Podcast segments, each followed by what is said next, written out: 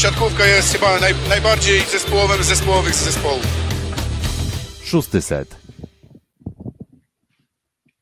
Słuchacie podcastu mm, Szósty Set. Mm, jest to już trzecie nagranie z cyklu Odliczamy do Plus Ligi. Hashtag 3 na tytule, więc y, omówimy teraz kolejne trzy drużyny. Mm, drużyny, które w poprzednim sezonie zajęły miejsca 9, 8 i 7, czyli mamy wreszcie już drużyny, które zahaczały o fazę playoff. A o tym wspaniałych drużynach i przebudowach w ich składach, a może nawet i niewielkich zmianach, jak w przypadku GKS-u Katowice, dzisiaj porozmawiają z Wami ze studia w Warszawie Piotr Złoch i z studia w Warszawie Kuba Lewandowski, witam. Kuby nie było na, w trakcie pierwszych dwóch nagrań, bo tak jak wspominaliśmy tam w trakcie tego naszego nagrania wczorajszego, e, trochę obowiązków e, życiowych, no ale dzisiaj będziemy rozmawiali też o Treflu Gdańsk, czyli te trzy drużyny, o których mówimy, to jest e, Projekt Warszawa, dziesiąta drużyna, przepraszam, dziewiąta drużyna poprzedniego sezonu, GKS Katowice ósma i Trefl Gdańsk siódma drużyna. Kuba jako Mm, gdynianin z pochodzenia, wielki sympatyk, nie mógł sobie odmówić tego, żeby o Treflu Gdańsk porozmawiać, ale my zanim, mm, zanim porozmawiamy o Treflu Gdańsk, no to porozmawiamy o drużynie mm, projektu Warszawa. No i drużyna projektu Warszawa, zaczynając bardzo płynnie, tam bez specjalnego owijania w ceregiele, chyba nie może do końca powiedzieć, że to był udany sezon poprzedni, żeby nie powiedzieć, że jak na miarę aspiracji, budżetu, składu personalnego, to ta druga runda była wręcz katastrofalna. E, tak, e, bardzo miło, że jestem w końcu na odliczaniu do Plus Ligi, bo czuć powoli te emocje, już te sparingi weekendowe może jeszcze tych emocji nie dają, bo widzimy stroje treningowe, zawodnicy bez koszulek, jeszcze nie ma tej oprawy, ale powoli czuć ten klimat ligi. Mm, I dla nas też to jest drużyna, może nie chcę powiedzieć szczególna, no ale jednak mieszkamy w Warszawie, często na mecze projektu Warszawa chodzimy, pewnie w tym sezonie też pójdziemy, także na pewno jest to drużyna, którą będziemy często mogli oglądać na żywo. Poprzedni sezon, no mówimy też o trzech drużynach, zobacz, takich zaangażowanych w taką sytuację, w której dużo się mówiło pod koniec jeszcze rundy zasadniczej, czyli tę sytuację, w której Gdańsk mecze odrabiał. No i protestował GGS Katowice, który bał się, że zajmie miejsce dziewiąte i jakby mając kapitalny sezon dla siebie y, w playoffach się nie znajdzie. Finalnie się znalazł, no bo projekt Warszawa miał rundę, tak jak powiedziałeś, drugą katastrofalną. Jakby podsumowaniem chyba był mecz z zespołem z Nysy, który tak naprawdę tam mógł się jeszcze uratować, e, czyli przegonić Czarnych Radom, ale przegrał dwa sety, więc już tych rad, czarnych przegonić nie mógł. I Warszawa, mimo to, że grała z drużyną Nysy, która nie grała o nic, nie zagwarantowała sobie tej brekiem miejsca siódmego, czyli tak naprawdę wtedy pewne pewności, że nawet jak Gdańskich wyprzedzi, no to będą w playoffach i w tych playoffach ich zabrakło, a skład był bardzo zbliżony do składu drużyny, która rok wcześniej zajęła trzecie miejsce. Więc poprzedni sezon Warszawy był, można powiedzieć, jak na ich aspiracje katastrofalny. Mm, I, tak, no i, y, i wiesz. Płacił tym posadą, znaczy może nie posadą, ale no, rozstanął się z Andreą Anastazją po, po, po przerwie i trochę doszło do roszad. Y, główną pewnie jest brak Bartka Kwolka, ale jeszcze dam Tobie głos, bo oglądaliśmy też to niejako właśnie z bliska, bo byliśmy na niektórych meczach. Widzę, że wy, wyprzedzasz, wyprzedzasz nieco narrację, bo o tych tak. zmianach jeszcze porozmawiamy. Na początku tak, mieliśmy tak, tak. porozmawiać jednak o tym sezonie poprzednim jednak. No właśnie chciałem do Ciebie właśnie zapytać, bo pamiętasz jak to się działo, że troszeczkę Warszawa zaangażowała się w pomoc Ukrainie i pozbawiono hali y, projekt i grali już w arenie Bemowo. My chyba na jednym meczu byliśmy Czyli no w arenie Bemowo to tak. jedna, wiesz, w arenie Bemowo to jedna sprawa, ale oni grali też na woli. I chyba w koło, hmm, prawda? Tak, tak, dokładnie, w hali koło na woli, więc to, to w zasadzie no, trochę wydziedziczona, tak, ani Torwar, ani, ani Arena Ursynów, tylko gdzieś tam właśnie szukanie szukanie miejsca w innej hali. No to już jakby cały ten sezon, cała, znaczy inaczej, cały sezon. Trudno mówić, że pierwszy sezon był zły, no bo pierwszy sezon był fantastyczny. To była drużyna, która mm, sami pamiętamy w jednym z pierwszych spotkań, chyba jednym z najlepszych w ogóle spotkań e, pierwszej rundy zeszłego sezonu Plus Ligi, fantastycznie powalczyła ze Strzemskim Węglem, mm, wygrywając, jeżeli dobrze pamiętam, wtedy 3 do 2 i ta runda pierwsza była bardzo udana, więc takie odcinanie taką grubą kreską tego, co się wydarzyło w poprzednim sezonie, no nie może się obyć bez tego, że no ta pierwsza runda była ok. No i ona na pewno jakiś tam potencjał personalny w tych zawodnikach, którzy zostali, a w dużej mierze spora część została, są jakieś zmiany, ale o nich za chwilę, mm, dużo mówiła, ale ta, ta, ta druga runda, mm, no co, pokazała? Pokazała chwiejność Grobelnego, pokazała mm, już wydaje mi się jakieś tam demotywację Bartka Kwolka, który, który Mhm. ewidentnie już wyglądał, był zmęczony na boisku. Pojawiły się kontuzje Piotrka Nowakowskiego. Mm, Ta drużyna w zasadzie nic, nic tam do końca nie działało. Średniość była, rozegrania albo słabość rozegrania Dearo. dokładnie, niby, niby atakujący przyzwoici, a tu się okazuje, że żaden tak naprawdę nie dawał, nie dawał wartości dużej, tak? Ani, ani Duszan Petkowicz, ani Michał Superlak. Do tego dokładamy europejskie puchary, które też były rozczarowujące.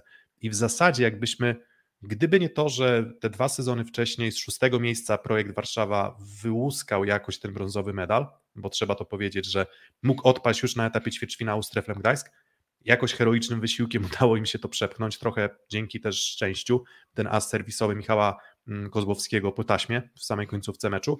Um, ty pamiętasz pewnie ten mecz bardzo dobrze, ale gdybyśmy odcięli jeszcze tę, no powiedzmy, udaną kampanię playoffów poprzedniego, no to te ostatnie dwa sezony nie były, nie były najlepsze, no i jaka, jakiś tam, jakąś tam transformację ta drużyna musiała przejść, no i jest nowy trener, no i są nowi zawodnicy też. No tak, y, tak jak wspominałeś, y, początek sezonu poprzedniego kapitalny, myśmy byli na tych meczach i naprawdę wyglądało to bardzo ciekawie. Natomiast doszło chyba do zmęczenia trochę materiału, bo mówimy też o drużynie, która charakteryzuje się na mapie naszej y, siatkarskiej e, ligi pewną, prawda, zgodzisz się, niestabilnością. To znaczy częste zmiany sponsorów, problemy czasami finansowe, bo było Oniko, potem był projekt, na chwilę się dołączył Orlen, teraz właściciel e, dalej ukraiński, prawda, e, z, chyba dalej, e, prawda, z epicentru Podoliany, który jest sponsorem tej drużyny, dał jakąś stabilizację, ale była to stabilizacja w takiej formie, że ten właściciel trochę nie angażował się, czy nie angażował się czynnie w funkcjonowanie drużyny, co też niekoniecznie było czymś pozytywnym, no bo brakowało pewnie takich bodźców y, na co dzień w tej drużynie. Do tego, tak jak powiedziałeś, doszła pewna demotywacja Bartka Kwolka. Generalnie ogólne zmęczenie, mam wrażenie, materiału. Bo ta Tak, widać było tak. Była, Me, zmęcze, wygrana jedna czy dwie? Zmęczeni byli bardzo, jakby tak obserwując boiskowo. mm, Trochę dobra mina do złej gry, trochę tam wiesz, uśmiechów, klepania się, no bo nie można się położyć na boisku, mm, ale, ale wydaje się, że po prostu nawet ten playoff w zasadzie nie był dla nich w zasadzie żadną wartością. Biorąc pod uwagę, że wiesz, że też weszli na jakiś poziom w tym sezonie, który, którego no zupełnie nie byli w stanie odgruzować. Warto też wspomnieć o problemach covidowych. No bo to Mhm. też był, to też, to też był problem i, i, i- nie można jakby oceniać projektu tylko przez pryzmat tam, nie wiem, słabych wyników sportowych, no bo, mm, bo na pewno były, były jakieś tam utrudnienia obiektywne. To co do tego w ogóle. prawda, jakby załapali chyba to od Radomia, prawda, to, to, tą chorobę. No tak, no to był na pewno zespół utrapiony problemami. Co nie, Natomiast co nie zmienia faktu, że nawet myślę, że zespoły tak trapio, trapione problemami, to, to, to, to jeżeli ocenimy te, to, jak Anastazjemu udało się tę drużynę dźwignąć, no to nie udało się. Po, koniec poprzedniego sezonu ale był Wiesz. bardzo, bardzo zły. gdyby zapytał Buchmacher po pierwszej rundzie, kiedy projekt był trzeci, o kurs na to, że oni nie wejdą do playoffów, to ten kurs by wynosił ze 100 pewnie, prawda? No bo to nam się wydawało przez bardzo, bardzo długi czas nierealne. Mimo jednej czy dwóch wygranych w rundzie rewanżowej, to się wydawało po prostu nierealne, a się zdarzyło i niejako podsumowało to, to wszystko, mm, co się wokół tego działo. I nowe otwarcie myślę, że z dużymi aspiracjami, z ciekawie zbudowanym zespołem, o którym zaraz powiemy, e, które było po prostu potrzebne, myślę, że i byłym zawodnikom, i, i, i zespołowi. Właśnie, a powiedz, czy ty masz takie poczucie, że mm, byłbyś w stanie wskazać jakiś konkretny element układanki, który wymagał wymiany, czy, czy jednak w No, zasadzie mówimy o. myślę, No rozegranie. tak, no to tak, to myślę, że Angel Trinidad de Aro, mm, co też jest, wiesz, no to jednak był zawodnik, któremu udało się poprowadzić e, projekt do brązowego medalu, więc to też Ale nie było tak, że. momenty, Ale, ale miał momenty bardzo, bardzo też e, niewyraźne. To też nie jest to zawodnik, którym, o którym gdzieś tam wspominaliśmy z Filipem w tych naszych nagraniach, że są zawodnicy rozgrywający, którzy swoich zawodników kreują lepiej, a są tacy, którzy umiejętnie wykorzystują atuty. Projektowi trochę zabrakło tych atutów, jeżeli chodzi o w zasadzie każdą strefę ataku, bo Grobelny też wyglądał bardzo źle, a musiał grać od deski do deski. Mm, Słabo wyglądało prawe na środku, Piotrek Nowakowski zdemolowany kontuzjami, mm, w zasadzie Andrzej Wrona i, Damian, i Damian Wojtaszek to w zasadzie jedyne postaci, które, które ten fason e, trzymały. No ale dobra, no to przechodzimy do, do tych zmian, tak? Mhm. Mm, Pokazujemy je, e, pokazujemy je już na, na, na, waszych, e, na waszych e, monitorach, ekranach telefonów, czy też monitorach. Mm, Jak zwykle też podpieramy się tutaj Wikipedią, która ma to wszystko bardzo dobrze opisane. Mm, Mamy nadzieję, że to wszystko jest, e, jest czytelne. No i pomimo tego nieudanego sezonu, jednak dość dużo zawodników z poprzedniego sezonu mm, pozostało w zespole projektu. Mm, Mówimy tutaj o mm, przyjmujących Igorze Grobelnym i Arturze Szalpuku, no i tym Mateu, Przecież Artur Mateuszu Janik. Mm, No Artur, no, no, no, no, no w zasadzie co, no, dołączył w, w trakcie poprzedniego sezonu. Tak. Tak, dokładnie, no ale został, no, ale został. Mhm. Mm, Został, on też szukał alternatywy, mm, szukał alternatywy po mm, wybuchu wojny w Ukrainie, po inwazji rosyjskiej. Mateusz Janikowski, który był no, takim trzecim łamane na czwartym przyjmującym w poprzednim sezonie, gdzieś tam rywalizował z Jankiem Fornalem o możliwości wejścia na, na boisko. Na śro- środek został polski, ale jest jedno uzupełnienie Juri Semeniuk, no ale Pit Nowakowski, Andrzej Wrona, Kuba Kowalczyk e, zostali w, mm, w, w, w, w, projekcie. No i dwójka na libero, Damian Wojtaszek i Dominik Jaglarski, to też są postaci, które, e, które się ostały. No i tak się wydaje, że ta rewolucja nieduża, ale potem patrzymy na tych, na tych ludzi, którzy przyszli i odeszli, no i jednak widzimy, że tych zmian jest sporo. Na 50-50 bym powiedział, nawet spojrzeć na skład, no to odchodzi Petkowicz pierwszy atakujący, odchodzi Dearo pierwszy rozgrywający i Bartek Kwolek, czyli tak naprawdę połowa odchodzi, połowa zostaje i mm, też nie ma tutaj ogromnej rewolucji, bo wiemy też o tym, że zostają zawodnicy, zwróć uwagę, zostają zawodnicy w dużej mierze doświadczeni, mocno związani już z miastem, bo też wiesz, w pewnym wieku, prawda, po 30 pewnie te zmiany są mniej mm, chętne, Więc- tak, tam więc- poja- pojawiały się pogłoski o tym, że może Piotr Nowakowski do Gdańska. Mm, Gdzieś nie do końca było wiadomo też, jak z tymi finansami warszawskimi będzie, no ale raczej to dość szybko udało się to ustabilizować i no i tak jak mówisz, no po, po polski, polski skład został, więc wymieniono w sumie obcokrajowców. No i tak idąc pozycja po pozycji. mm, Duszan Petkowicz odchodzi do QN Padwa, a z QN Padwa przychodzi e, Linus e, Weber. Weber? Weber? W zasadzie nie wiem do końca, jak w języku niemieckim najlepiej e, i poprawnie powinno się e, wymawiać jego nazwisko. Mm, Tak czy inaczej, no chyba można powiedzieć, że taka przyzwoitość, solidność została zamieniona za no, duży potencjał mm, zawodnika reprezentacji Niemiec. E, Tak, no, czy doszło do wymiany starszego zawodnika na młodszego? Mm, I to jest to, co zawsze powtarzasz również ty. W którym momencie zamieniasz, kiedy tak naprawdę te ich przecznice opadająca zawodnika starszego i wzrastające młodszego się, się mijają. I wydaje się, że w kontekście tych dwóch zawodników one mogą się w tej chwili mijać, bo pamiętam, jak pisałem w trakcie meczu Słowenia-Niemcy e, w jednej ósmej Mistrzostw Świata, że z tego meczu może być zadowolony projekt Warszawa, bo tam bardzo dobrze wyglądał Linus Weber. Zresztą wydaje się, że w kontekście kadry Niemiec, która mocno falowała w turnieju, czy w ogóle na przestrzeni całej Ligi Narodów, no to Weber, który pauzował na początku mistrzostw z uwagi na kontuzję, wyglądał w sezonie kodrowym solidnie. I wydaje mi się, że transfer oceniłbym ogólnie na plus, bo to jest zawodnik z potencjałem, to jest zawodnik o dobrych warunkach fizycznych i y, który też y, lubi szybkie granie, które lubi rozgrywający nowy drużyny, więc wydaje mi się, że to może być ciekawy, ciekawy transfer w kontekście. Dokładnie, bo, bo znaczy, transfer na pewno bardzo ciekawy. To nie był zawodnik, o którym można było powiedzieć, że tę serię A mm, przerastał, dominował. To był zawodnik, który też z tego co kojarzę mm, z opinii osób też lepiej śledzących Ligę Włoską, to był zawodnik, który też trochę się odbił w trakcie w trakcie poprzedniego sezonu. Sezon reprezentacyjny trochę targany kontuzjami. Na Mistrzostwach Świata dopiero w trakcie e, rywalizacji wszedł no i próbował pomóc reprezentacji Michała Winiarskiego, znaczy reprezentacji Niemiec prowadzonej przez Michała Winiarskiego, próbował pomóc jednak z tym, z tą słabością, em, słabością, nieobecnością w ogóle też na prawym skrzydle. Moritz Kardicek to nie jest y, tytułowy mm, atakujący, tylko przyjmujący, natomiast no, on próbował właśnie w tym zestawieniu na trzech przyjmujących, Michał Winiarski próbował tę drużynę jakoś poukładać. No i Linus Weber wszedł, no i w zasadzie nie zdążył już bardzo dużo pomóc reprezentacji Niemiec.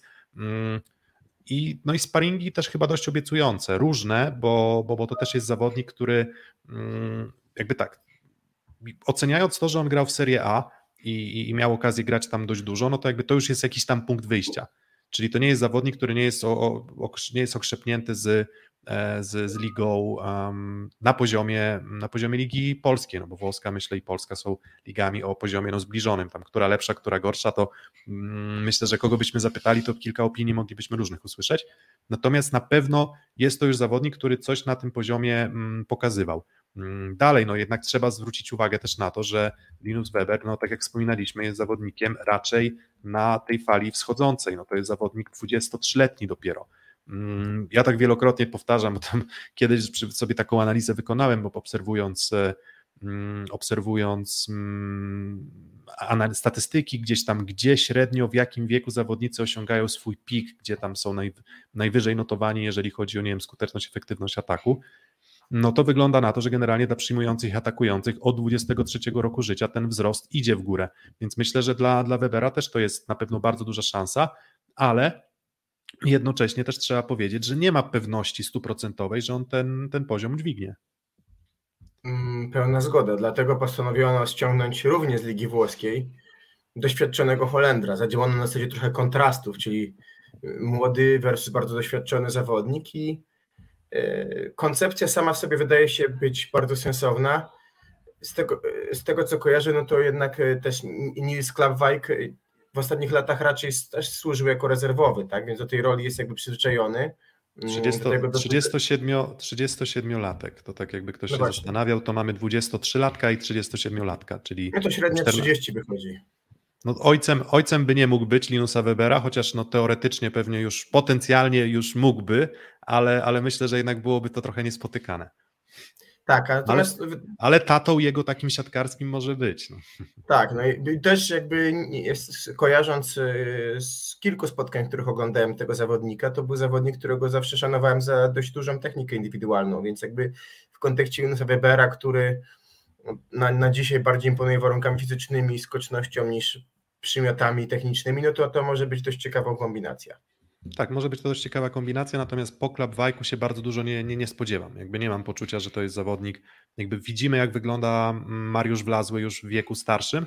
Mm, myślę, że Klapwajk, tak, jakim był Mariusz Wlazły, jakim był Nils Klapwajk, oczywiście też trochę inna charakterystyka pewnie motoryczna, bo, e, bo Wlazły jednak skoczek, tak, i po prostu tego, tego, tego skoka już z jakimś, jakiejś tam perspektywie zabrakło. Klapwajk no jednak troszeczkę wyższy i, i opierający się pewnie też troszeczkę na innej charakterystyce siatkarskiej, natomiast no jakbyśmy prześledzili jego ostatnie, um, ostatnie kluby, no to Turcja, potem PAOK Saloniki, potem Arkada Galaci, um, no i Konsar Ravenna w poprzednim sezonie, um, to nie są marki.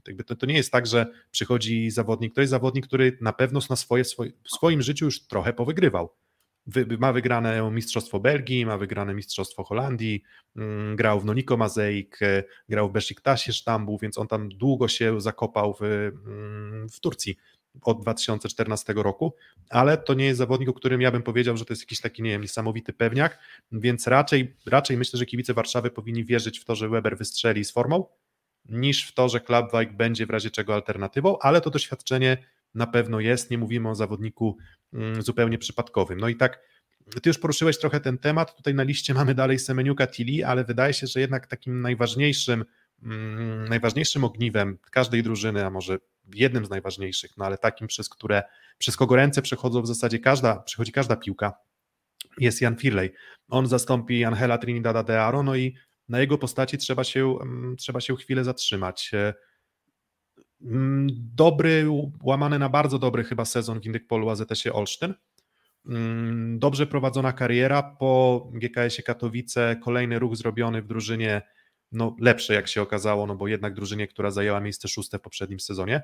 Mm, no i jak oceniasz ten transfer, bo to będzie zupełna rewolucja, jeżeli chodzi o tempo gry i styl gry. Na pewno, natomiast y, chyba ty powinieneś na pytanie odpowiedzieć, bo jesteś wielkim fanem talentu i gry Jana Firleja. Tak, tak, tak, lubię, y lubię, ale, ale widzisz, nie chcę, nie chcę się sugerować, więc wiesz, nie musisz mi się podlizywać ani Jankowi Firlejowi. Mm, nie, no, no bo, bo ja, ja, swoje zdanie mam, jakby wiem też, jakie są wady e, Janka Firleja, prawda? Szukam e, w głowie i porównując sobie do sposobu gry w poprzednich klubach Janka, kto mógłby w tę rolę graczy, z którymi on lubi grać, wejść. Bo, bo wiemy, jak gra Karol Butryn, jak bardzo szybkim jest atakującym, jak bardzo lubi szybkie piłki, bo gdybym miał powiedzieć Jan Firlej jedno słowo, to bym powiedział szybkość. szybkość gry, że to jest coś, co jest czymś, co go charakteryzuje absolutnie wśród rozgrywających nie tylko polskich, ale i światowych. I jak Mhm. szukam sobie w głowie tych szybkich e, zawodników, czy przyjmujących, czy atakujących po stronie projektu Warszawa, to widzę Grobelnego. Widzę Tilly, który ma, którego uwielbiam jako zawodnika, ale już myślę, że nie da, będzie bardzo ciężko mu przejść sezon bez kontuzji.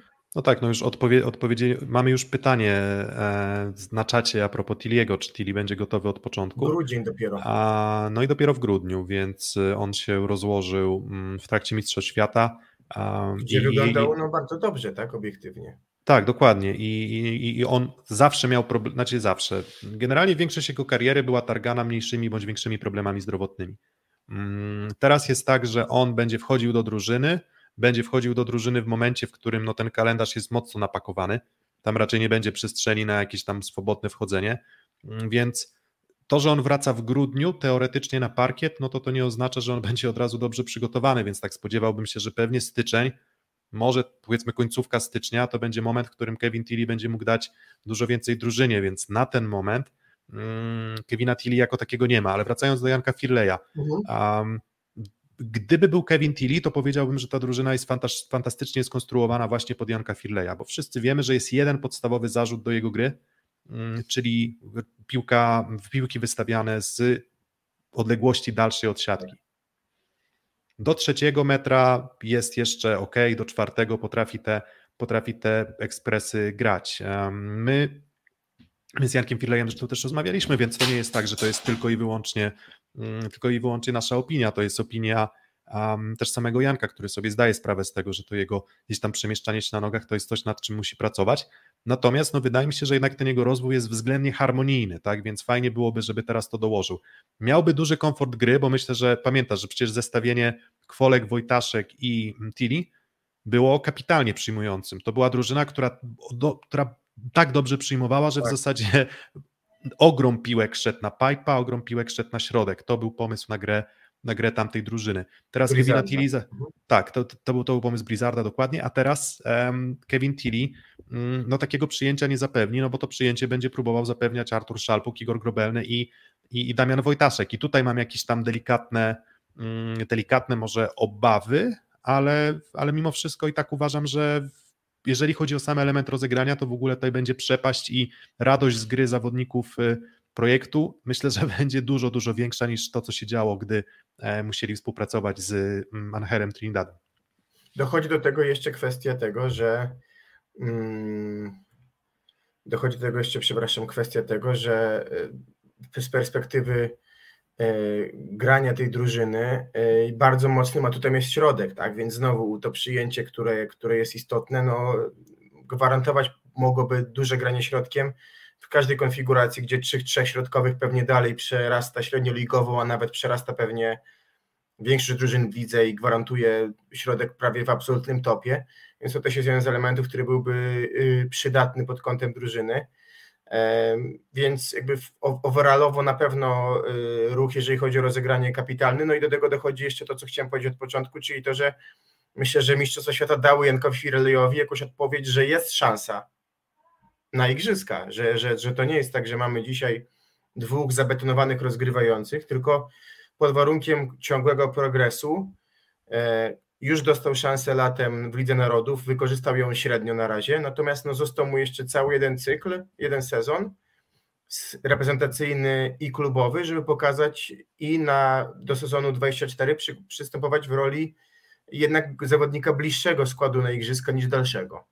Mm, Dokładnie tak i ja trzymam kciuki za Janka Firleja, żeby on też ten kolejny krok w, w, swojej, w swoim rozwoju siatkarskim zrobił, nawet pomimo tego, że czuję, że, że, że będzie Indyk Pola ZS Olsztyn jednak cierpiał trochę z tytułu tego, że, że Janka Firleja nie będzie, zresztą myślę, że nie wiem, nawet jak sobie pomyślę o TJ-u w Resowi, to myślę, że on też będzie jednak cierpiał na to, że już nie będzie tych piłeczek e, cacuszek otrzymywał od, od Firleja, tylko tylko no, będą te piłki pewnie zupełnie inne. Nie chodzi o to, czy tam jakieś drastycznie gorsze, no ale jednak parabola i tempo gry Fabiana Drzyzgi, szczególnie do lewego skrzydła, mm, jest inne.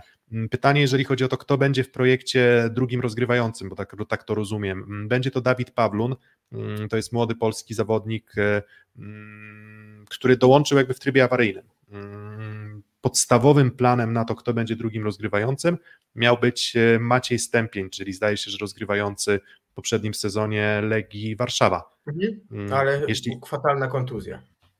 Tak, fatalna kontuzja, tam chyba zerwane więzadła, jeżeli dobrze pamiętam, w kolanie, więc to są kontuzje, które no w zasadzie wyłączają zawodnika na, mm, na, na, na miesięcy wiele, tak, więc no coś, musieli, coś musiała Warszawa wymyślić. No i ten Maciej Stępień chyba byłby jednak trochę pewniejszą alternatywą dla Janka Firleja. Mm, a, a sam też no, w poprzednim sezonie widziałem i też widzimy, że to nie jest zawodnik, który nie potrafi, nie potrafi, znaczy Firley nie jest zawodnikiem, który zawsze będzie trzymał chłodną głowę. I jakiś tam aspekt alternatywy, że ktoś by wszedł tę grę na chwilę, dał mu odpoczynek, no to tutaj obawiam się, że, że Pawlun aż tak dużo nie pogra. Tutaj właśnie komentarz Dawida, że mi się nie podobał Pawlun na Mistrzostwach Europy do lat 22. Ogólnie też mam takie poczucie, że to to nie jest ogromna skala talentu.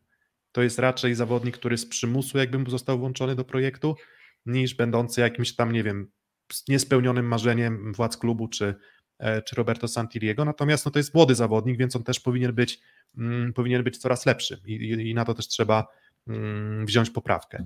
Mm, no i teraz tak, co jeszcze z tych transferów? No to wspomnieliśmy Kevina Tilly, mm, czyli atuty bardziej defensywne, gra właśnie szybka, ale na razie go nie ma, więc na razie trochę odkładamy go na bok.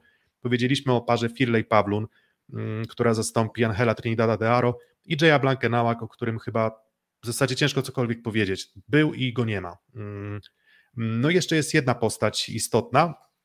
Ostatni transfer e, projektu Warszawa, czyli Jurij Semeniuk. Ten transfer był tak ukrywany, opowiadany. To jest zawodnik, którego ja osobiście bardzo cenię.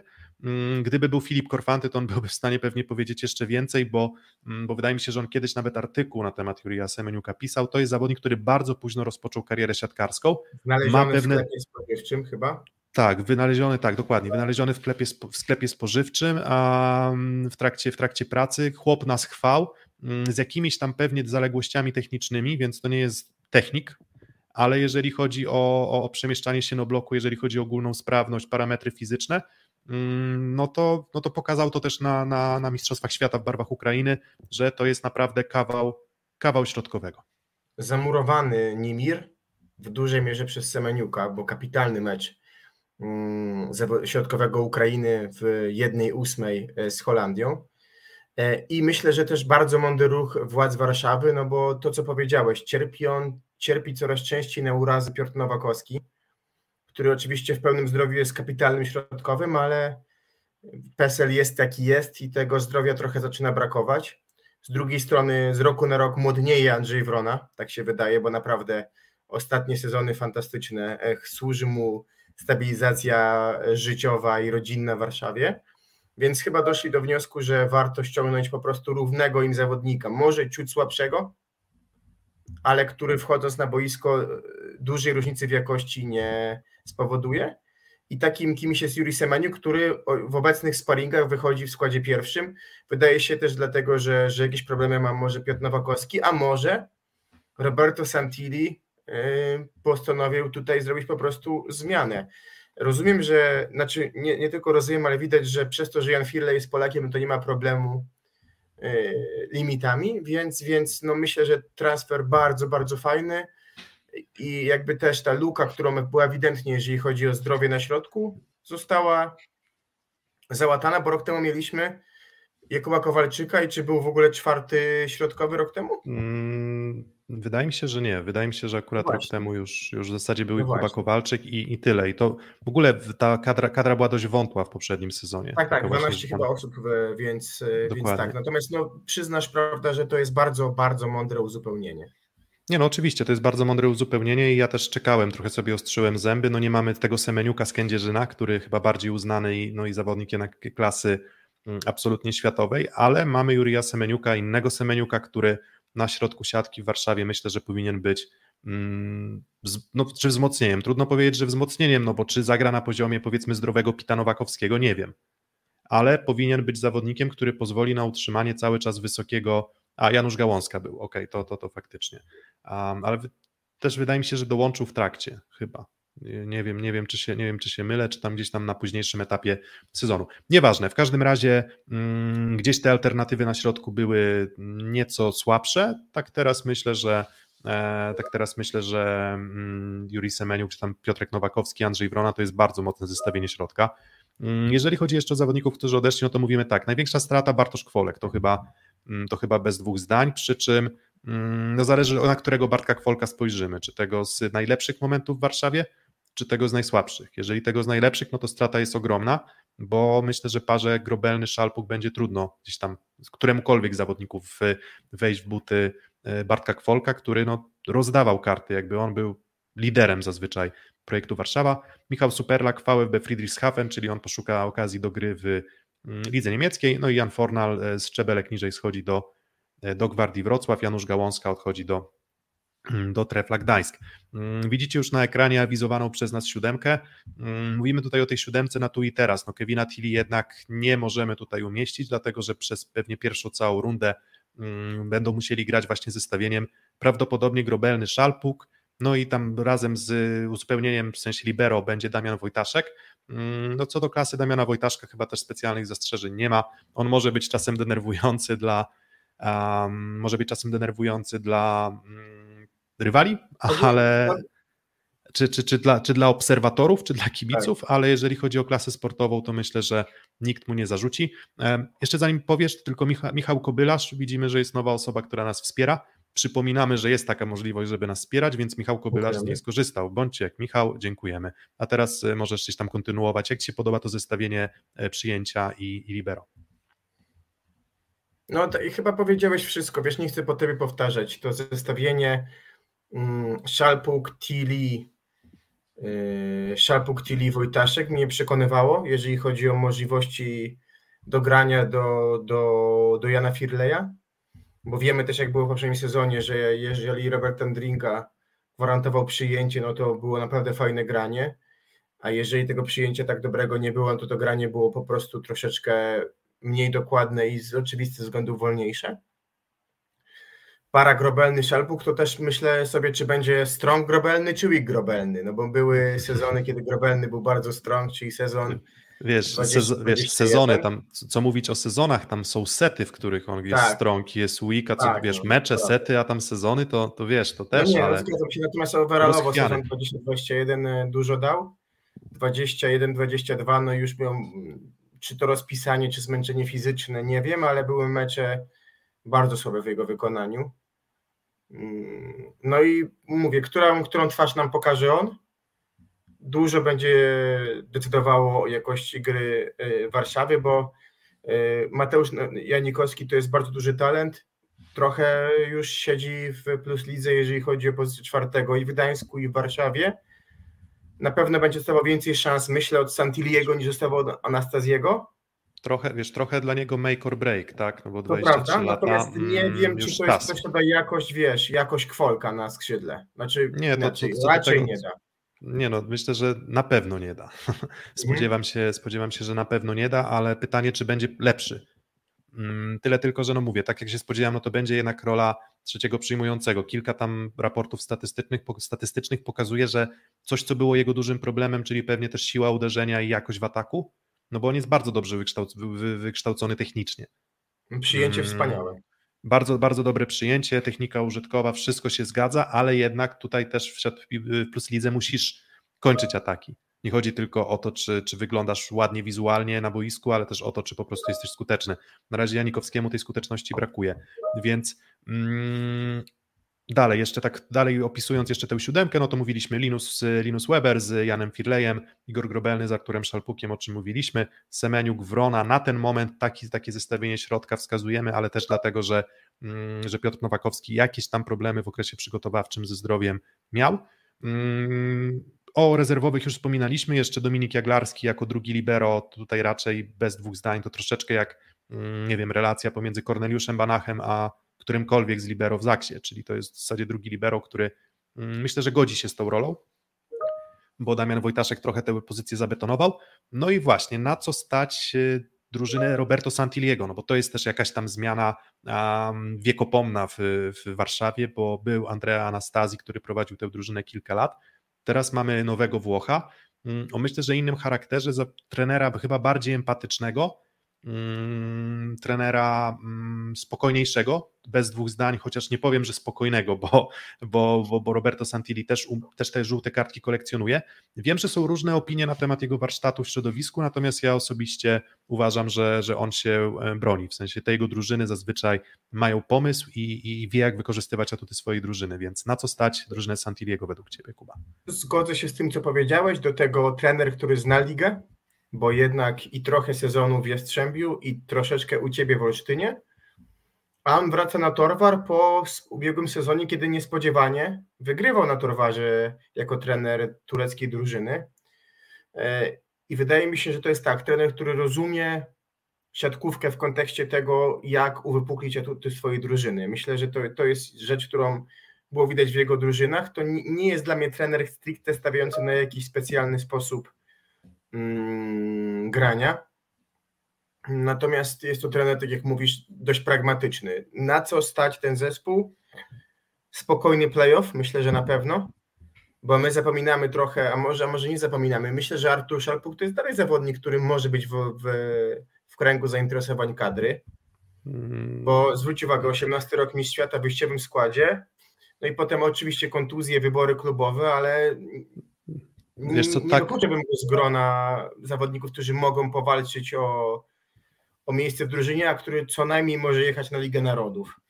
Mm, no tak, myślę, że hmm, obserwując ostatnie sezony mam co do tego duże wątpliwości, mm, ale, ale faktycznie ten 2018 to też tutaj zadaję sobie pytanie, czy to nie był po prostu moment, w którym mm, Artur Szalpu gdzieś tam był chwilkę jeszcze, wykorzystał to, że jeszcze dorastali nam Śliwka, jeszcze nie było takiego Fornala, jeszcze nie było takiego Semeniuka, więc wydaje mi się, że, że w tym momencie nie było jeszcze Wilfredo Leona, więc on wykorzystał jakby tę lukę, co nie znaczy, że nie grał, nie grał tam, nie wiem, że grał tam źle, ale, ale wydaje mi się jednak, że on nie był aż takim liderem tej drużyny. Tak, w sensie wydaje mi się, że on był jednak uzupełnieniem mm, tego składu, no ale to jest tylko tam gdybanie reprezentacyjne. Mm, jakbyś pod mm, przedział, e, trzy, trzy drużynowy przedział, czy trzymiejscowy przedział dla projektu Warszawa, to 5-7. 5-7. Mm, ja też uważam, że projekt Warszawa mm, będzie drużyną mocną. Mm, ja nawet się pokuszę, że raczej widzę ich na miejscu 4-6, raczej właśnie miejsca 5 lub 6, ale nie odbieram im szansy, żeby przy dobrym zbiegu okoliczności powalczyli o awans do, do, do, do czołowej czwórki. Będę, no, będę, no, będę zaskoczony, jeżeli to bardzo nie zadziała natomiast mam jedno ale, no tutaj to ale to jest właśnie ta jakość lewego skrzydła. Mm, jeżeli zobaczymy Grobelnego z, ze słabszych momentów poprzedniego sezonu, chociaż wydaje mi się, że Firley akurat potrafi sobie kreować przyjmujących i Grobelny też myślę, że w tej grze szybkiej raczej się odnajduje. Mm, jeżeli Szalpuk będzie też grał tak jak grał w poprzednim sezonie, czyli w zasadzie nic specjalnie nie dając drużynie, chociaż tam wtedy mówię, on już przyszedł w momencie, w którym ta drużyna była, była dość mocno rozbita, to tutaj widzę największą obawę moją, ale, ale raczej widzę więcej nadziei niż obawy. Wydaje mi się, że środek jest dobry, wydaje mi się, że przyjęcie powinno być niezłe. Janka Firleja bardzo wierzę, mm, więc 4-6 y, może trochę przesadzam, ale wydaje mi się, że nie. No 4-6, 5-7 to, to są takie rezultaty, na jakie myślę, że projekt Warszawa stać. Wy możecie jeszcze oddać głos w ankiecie, na co stać projekt Warszawa. Na razie stawiacie na miejsca 6, 8, 50% głosów, na miejsca 4, 5, 31, czyli wydawałoby się, że tak idealnie się Kuba wpasowujemy um, uśredniając. A w międzyczasie... Podziękowania drugi... dla Kamila.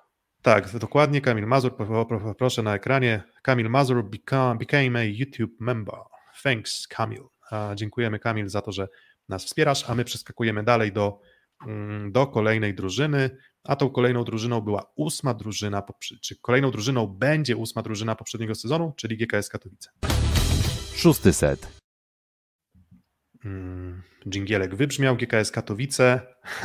GKS Katowice tak się śmieje, bo mm, co sezon mówimy, że GKS Katowice już tym razem na pewno nie da rady walczyć o te cele wyższe. I co sezon GKS Katowice robi nam przytyczka w nos. Ja w poprzednim sezonie tak zupełnie zupełnie szczerze przyznaję, że się bardzo rozjechałem, bo myślałem, że to po prostu nie może dobrze zagrać. Obawiałem się tam o wiele aspektów tej drużyny. Mm, a tutaj się okazało, że drużyna pod batutą Mikey Ma, czyli dezertera, o którym zaraz pewnie pogadamy, no poradziła sobie e, w lidze bardzo dobrze. Taki idealny, idealny średniak plus bym powiedział, czyli w zasadzie w każdym elemencie dobrze, ale nie wybitnie. Mała Argentyna? Tak, myślę, że myślę, że to byłoby niezłe, niezłe porównanie. Taka Argentyna z mistrzostw też z grającym zaskakująco dobry sezon Rodrigo Quirogo z świetnymi momentami Michael Ma, który dokładał bardzo e, Gonza dużo. Gonzalo Quirogo akurat, ale... Powiedziałem ale Rodrigo, tak. przecież jego brat Jastrzębie, nie, nie, jego brat już chyba zawiesił buty na kołku. Gonzalo Quirogo, drużyna, której no, prym wiódł Majka ma. My rozmawialiśmy, znaczy wy z Filipem, z Jakubem Jaroszem, rozkminialiście jaki jest sufit Majki, czy to może być gra w kadrze. Kuba wypowiadał się o nim wtedy w bardzo pozytywnych słowach, jak chyba cały klub, e, do, do czasu, kiedy Majka opuścił Polskę. Opuszczając Polskę, z tego co wiem, zostawił nawet w szafce trochę swoich rzeczy prywatnych, no ale już do Polski nie wrócił. E, wyszła wielka słabość niestety siatkówki, jeżeli chodzi o kontrakty i ich możliwość zerwania. Natomiast wracając jeszcze do całej drużyny, to bardzo dobrze zaczęli. Wygrali z Resowią, wygrali z Zawierciem i mm. ograli Gdańsk bardzo łatwo. Jakby byli lepsi od bezpośrednich rywali, urywali punkty e, lepszym w drugiej rundzie. Grali bardzo równe mecze i często też wygrywali z bezpośrednimi rywalami. Już nie urywali może punktów e, lepszym w drugiej rundzie, ale overallowo byli zespołem, który absolutnie zasłużył na playoffy i też można powiedzieć, że środowisko całe miało przekonanie, że ich walka o terminarz, o absurdy rozwiązań e, w postaci grania Gdańska z Jastrzębiem i Zaksą były słuszne i myślę, że dużo środowiska widziało w tym pewną niesprawiedliwość, gdyby z drużyna trenera Grzegorza Słabego nie weszła do playoffów. Na szczęście do tych playoffów weszła i powalczyła z Zaksą, robiąc sobie też wspaniałe święto, bo nie wiem, czy pamiętasz, ale chyba w sobotę wielkanocną E, mecz w Spodku przeciwko Zaksie to było myślę, że duże święto dla społeczności wielosekcyjnego klubu GKS-u Katowice. Mm, bez wątpienia, no, chyba wszyscy trochę sprzyjaliśmy GKS-owi Katowice w tej walce.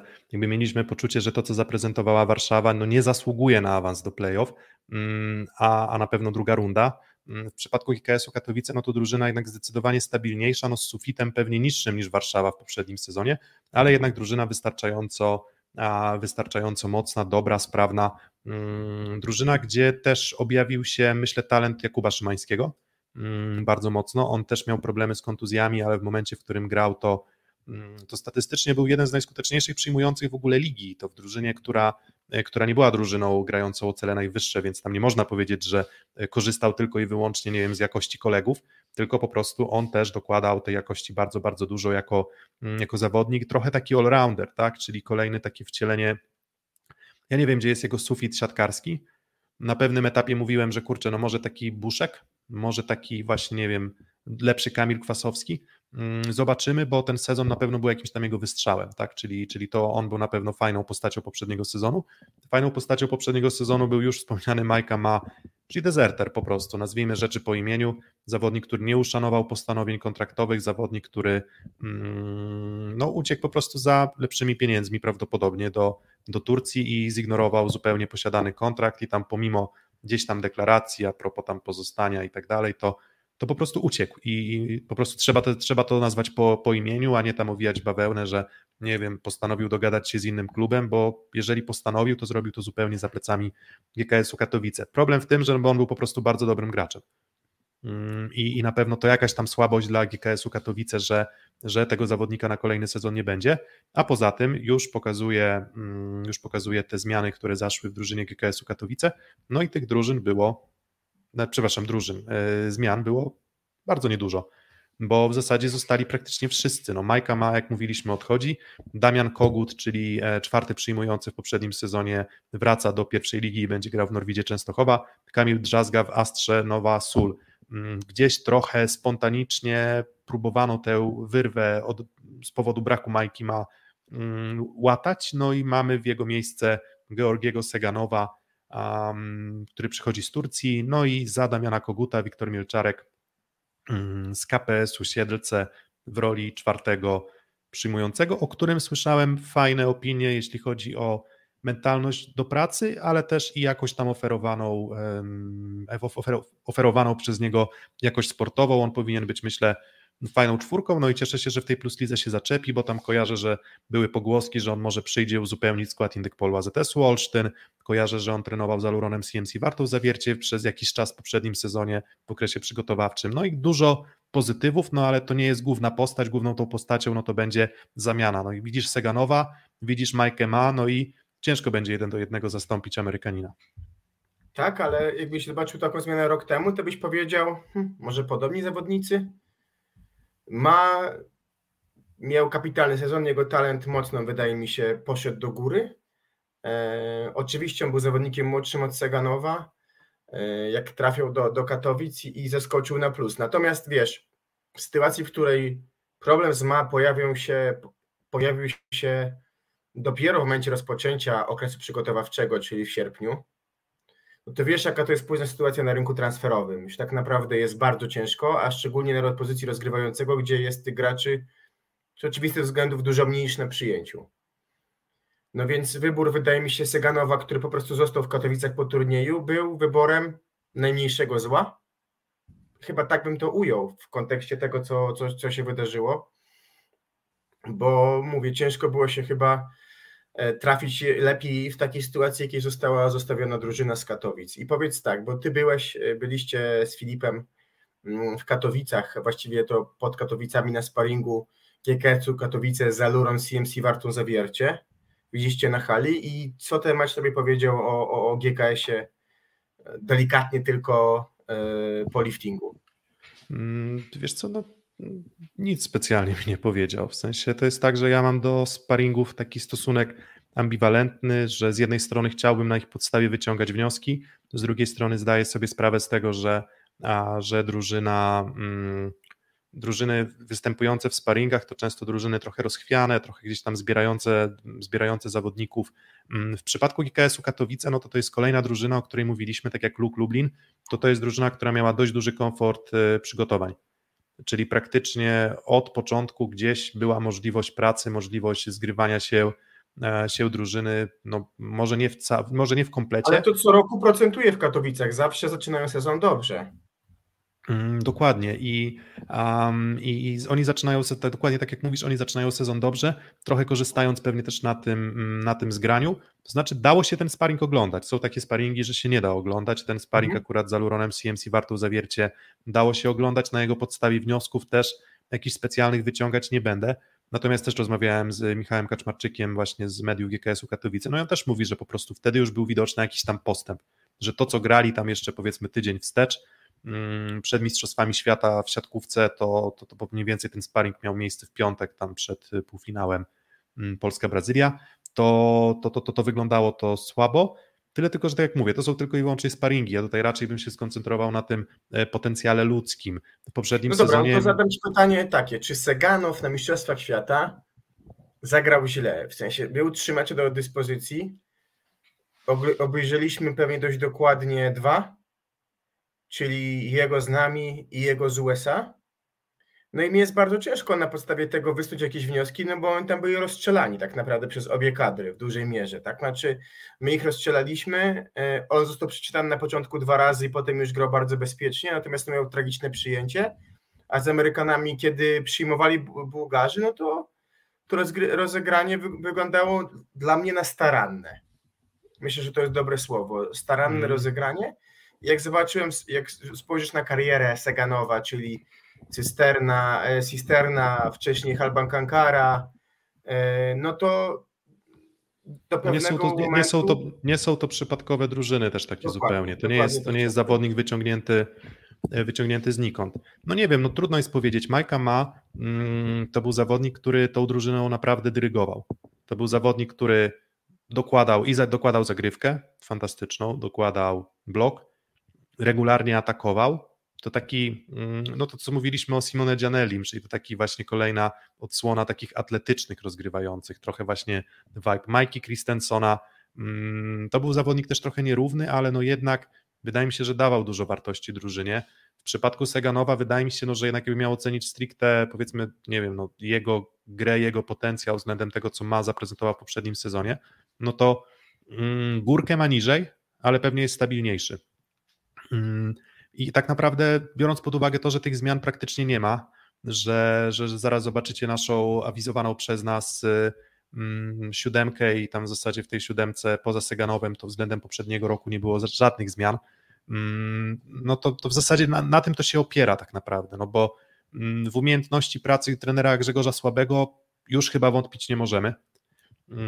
W to, że potrafi tę drużynę skleić umiejętnie, potrafi bardzo dobrze ją zorganizować. Myślę, że właśnie to, co mówiłeś, mała Argentyna, czyli atut obrony, Mm, a, a Seganow, nie wiem, nie wiem. Wydaje mi się, że tak jak mówisz, precyzja, ale jednak mam taką delikatną obawę, że zawodnicy, którzy są w składzie GKS-u Katowice, raczej zyskują właśnie rozgrywającymi troszeczkę szalonymi, wariackimi zawodnikami, którzy grają mm, bardzo tempową siatkówkę. Seganow to tak jak mówisz, raczej uporządkowany, raczej powtarzalny, mm, no i wydaje mi się, że jednak będzie więcej sytuacji, w których no, będą musieli się forsować z, mm, z dość solidnym blokiem e, rywali. Tak? Wydaje mi się, że po prostu to jest e, wolniejsza siatkówka, co nie znaczy, mhm. że dużo gorsza, ale wolniejsza. Pełna zgoda. Myślę, że myślę, że też to, co ja chciałem zacząć, a nie umiałem tak ładnie ubrać słowa, ubrałeś słowa.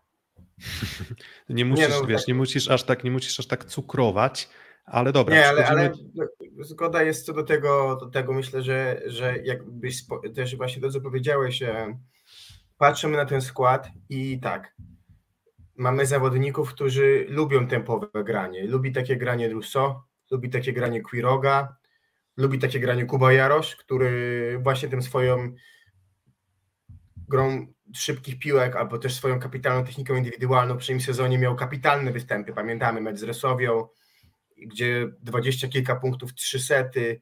E, mamy Piotra Hajna, który, który lubi też szybkie piłki na siatce, więc generalnie mamy zespół, tak jak mówisz, raczej zawodników do quicka niż do highbola. Mm, dokładnie i w zasadzie na mm, jeżeli, coś, co mnie zaskoczyło, jak dostałem takie szczegółowe statystyki dotyczące przyjmujących, no na przykład właśnie um, Szymański był zawodnikiem, który na highballu, na piłce wysokiej radził sobie chyba w ogóle najlepiej w lidze, jeżeli o skuteczność, efektywność, więc więc on tym takim odejściem na pewno na wysokiej piłce będzie. Jeżeli chodzi o pozostałych zawodników, no to tak jak mówisz, no, mm, Kuba Jarosz um, fantastyczny. Miał momenty, w których gdzieś tam zastanawialiśmy się nad tym, czy on nie zasługuje przypadkiem na bycie w top 3 najlepszych atakujących ligi.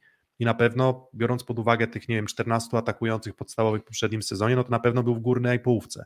Co do tego w ogóle nie ma, e, nie ma żadnych wątpliwości. Tyle tylko, że jest pewnie jakaś tam obawa wśród może nawet i samego Kuby Jarosza, mm, kiedy, kiedy, kiedy, mm, kiedy i czy nastąpi moment, w którym będzie mu brakowało może już odrobinę energii. Tego grania będzie jeszcze więcej. W poprzednim sezonie Damian Domagała prezentował się no, dość słabo. On nie był mhm. alternatywą dla Kuby Jarosza. Mhm. Więc jeżeli on mhm. będzie musiał znowu grać od deski do deski przez już spotkań nie 26, a 30 z natężeniem też y, dość dużym, mm, to myślę, że E, że nawet jak będzie bardzo dobrze przygotowany i to jest wzór profesjonalizmu i generalnie bardzo kibicuję, żeby tą formę utrzymywał, to tutaj jakiś tam malutki znak zapytania mi się, e, mi się tli, no bo jednak mówimy o zawodniku, który mm, lat ma już 35 na liczniku. No tak, zgodzę się z tym, natomiast to jest jednak jeszcze 5 mniej niż Mariusz Wlazły, prawda? Mm, tak, no zdecydowanie i też chyba eksploatacja, eksploatacja mniejsza niż, niż Wlazły. Dokładnie. Tak, plus y, myślę, że od kilku lat już bez kadry prowadzenie się bardzo dobre. Y, co mi się zawsze podoba w GKS-ie Katowice, to jest to, jak oni przy, przy, przy, przepracowują swoje w zakresie siłowym. To znaczy, myślę, że to jest zespół, którym jest bardzo dobra siłownia i potem to procentuje. Ja nie miałem wrażenia, na przykład widzę, że oni puchli w trakcie meczy. Że to był zespół, który bardzo często potrafił, czasami oni na przykład potrafili zespołem lepszym dojść do równej końcówki, no i czasami już potem brakło troszeczkę umiejętności czy ogrania, że, że te końcówki przegrywali, bo to był zespół, który lubił zagrać na 3-1 z, z setami na przewagi na przykład. Choćby nawet mecz z Zaksą, ten właśnie e, drugi w spotku, to były męczarnie, znaczy męczarnie Zaksy, świetny mecz Katowic i Zaksa to przepchnęła tak naprawdę, pamiętasz Huberem, prawda, Monster Game, mhm. tam 20 punktów, Natomiast no, Katowice prowadziły 1 do 0 i miał w drugim secie też przewagę, także no, to jest zespół, który wydaje mi się, że charakteryzuje to świetne przygotowanie fizyczne, e, które im wystarczy też do grania w całym sezonie, mimo że skład jest tylko tak naprawdę 12-13 osobowy, prawda, bo, bo na środku jest tylko odejście w postaci, w postaci mnie, tak naprawdę. Dokładnie. Jakub Lewandowski, jakby ktoś się pytał. Tak, tak. No, trochę młodszy, trochę wyższy, trochę lepszy w siatkówkę. Trzymam za niego bardzo kciuki, natomiast no, to jest też taka, taka drużyna, mam wrażenie, zawodników niedocenianych w wielu innych miejscach, bo Marcin Kania jednak zawiercił zawsze czwarty, a zawsze wchodził i dawał jakość. Piotr Hein doceniany mi się środkowo, oczywiście już doświadczony, znaczy, ale, ale, też, ale, też, ale też sporo tych trzecich, czwartych miejsc gdzieś Właśnie, dokładnie, było. często trójka chociażby w Jastrzębiu. E, Toma Rusono, specyficzna kariera, problemy czasami też poza, y, że tak powiem, pozaparkietowe w postaci y, mm, wizyt w niektórych lokalach, ale myślę, że to też jakaś tam lekcja wyniesiona. Quiroga też raczej trzeci, czwarty, Kuba Jarosz, y, myślę, że wielu go spisywało już na straty po jego prime w reprezentacji, więc myślę, że Bartosz Mariański, który przecież był chwilę w Resowi, wrócił, a rok temu kapitalna forma, także no zespół myślę, że którego nie da się nie sympatyzować z którym nie tak, da się no sympatyzować. Tak, tak i, i, i coś, co na pewno jest jakimś wyznacznikiem GKS-u Katowice, to, mm, to tak, media klubowe, ale jeszcze chciałem powiedzieć o, o mentalności, mm, że w przypadku GKS-u Katowice nigdy chyba w ostatnich kilku sezonach nie było wątpliwości co do tego, że oni tworzą naprawdę drużynę przez duże D.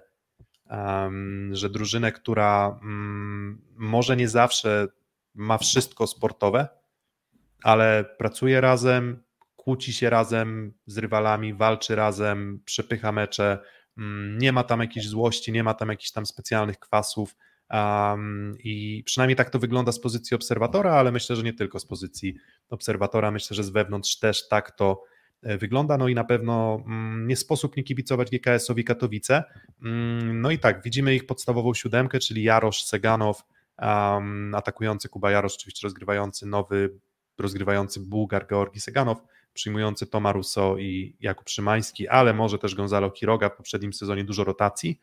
Na środku Piotr Hein i Marcin Kania, na libero Bartosz Mariański, mm, no i na ławce Damian Domagała, Jakub Nowosielski, który też myślę, że jest fajną dwójką, Gonzalo Quiroga, dobra alternatywa na przyjęciu, Wiktor Mielczarek już wspomniany, Jakub Lewandowski i Dawid Ogórek. No i ankietę ja już w przypadku IKS-u Katowice odpaliłem. Zastanawiałem się nad tym, gdzie można ich umiejscowić, ale uznałem, że jednak mówimy o drużynie, która w zeszłym sezonie zajęła miejsce mm, ósme. Mm, no to chyba jednak trzeba też szukać tych przedziałów potencjalnie niżej. No i mamy drużyny, um, mamy przedziały takie, że ja zaproponowałem 6 lub wyżej, 7, 8, 9, 12 i 13-16. Nikt jak na razie nie postawił na to, że GKS Katowice może spaść niżej niż miejsca 9-12, a co sądzi Kuba Lewandowski?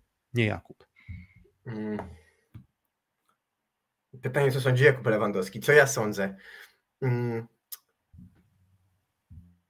Liga się wyrównała eee, i mam takie przekonanie, że Katowice spokojnie się utrzymają.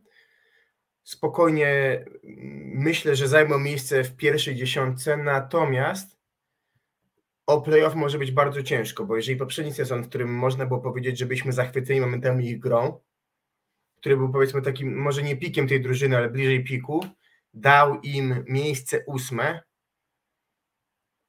czy tak naprawdę siódme w zasadniczej, ale z, z, z awansem w ostatniej kolejce, to ciężko mi zakładać, że przy bardziej wyrównanej lidze, przy chyba stabilniejszej Warszawie, inaczej przy Warszawie z większą ilością alternatyw i z Lublinem, który wydaje się być mocny, to może być ciężko wejście do playoffów, natomiast ja bym typował ich do miejsc 9-11 spokojnie. Mm, to ja szczebelek niżej, czyli ja jednak typuję 10-12. E, mm, zapowiada się, myślę, sezon w porządku. Tak myślę. Oczywiście liczę, że liczę, że mnie zaskoczą znowu, a że znowu będą grali, grali świetnie i że znowu ten, tym razem Seganów wejdzie w tę drużynę. Mm, idealnie wszystko się pozgrywa, mm, ale jednak, no jakbyśmy tak odcięli tylko i wyłącznie ten vibe, to jest drużyna, która zawsze daje więcej niż suma ich personaliów. Może taki Brawo. oklepany truizm, ale tak na pewno jest. um, ale jednak jakbyśmy odcięli, no to jest pewna słabość w ataku i taka nierówność Toma Russo na pewno. Mhm. Mm, jest to, że Piotrek Hajni i Marcin Kania nie są zawodnikami, z którymi zagrasz wszystko na środku. To są raczej nie zawodnicy, którzy dostają. Do tak. tak, dokładnie, dostają piłki przy, e, przy sobie. Oni spełniają swoją rolę środkowych bloku bardzo dobrze i z tego, z tego się na pewno wywiązują. Kąśliwy ale, flot. Tak, ale, ale znowu, myślę, że dość myślę, że stabilne przyjęcie. Powinno być w tej drużynie stabilne przyjęcie. Ten komfort gry um, powinien być też y, dość duży dla, dla Seganowa. Mariański to też już myślę, że libero, o którym um, raczej o którym się mówi, ja myślę raczej zdecydowanie pozytywnie niż, niż negatywnie.